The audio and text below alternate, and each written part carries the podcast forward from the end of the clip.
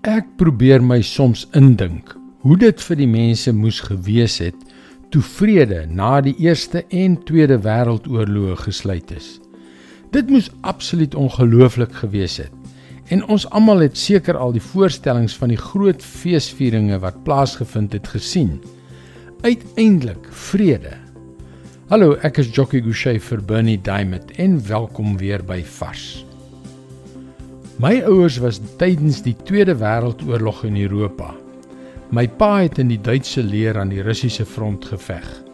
Hy was by Stalingrad voordat hy gevange geneem is en in 'n Britse krygsgevangenekamp aangehou is.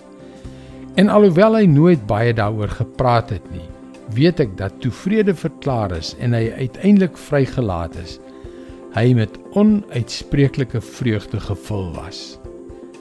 Nou ja, Jy kan verstaan dat 'n man nie eintlik oor die gruwels van oorlog praat nie. Maar kan jy jou voorstel dat 'n man wat weet dat vrede verklaar is, dit nie met sy vriende sal deel nie? Dit sou heeltemal ondenkbaar wees. Nou sê my, waarom is daar so baie mense wat hulle self Christene noem, wat so bedees en selfs stilswygend is wanneer dit kom by die verstommende goeie nuus dat Jesus vir ons sonde gesterf het om vir ons die gratis gawe van die ewige lewe te gee.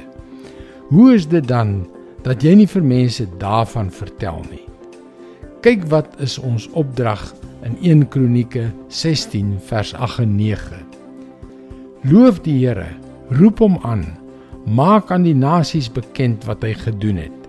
Sing liedere, sing tot sy eer vertel van al sy magtige dade. Waarom roep God se mense nie hierdie goeie nuus van die bergtoppe af uit nie? Hoekom dank ons hom nie met ons hele hart nie? Hoekom loof ons hom nie en vertel ons nie vir ander mense van die wonderlike dinge wat hy gedoen het nie? Hoekom het ons so blasé geword oor iets oneindigs beter as die einde van 'n wêreldoorlog? Kom nou, Vrede is verklaar. Vertel die goeie nuus. Dit is God se woord, vars vir jou vandag. En saam met vrede kom oorwinning. Wonderlike, oorvloedige oorwinning.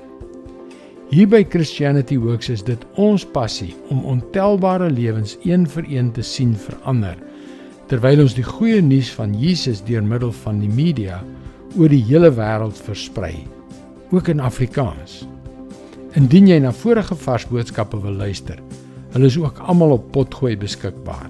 Soek vir Vars vandag op Google of op 'n Potgooi platform so Spotify. Mooi loop. Tot môre.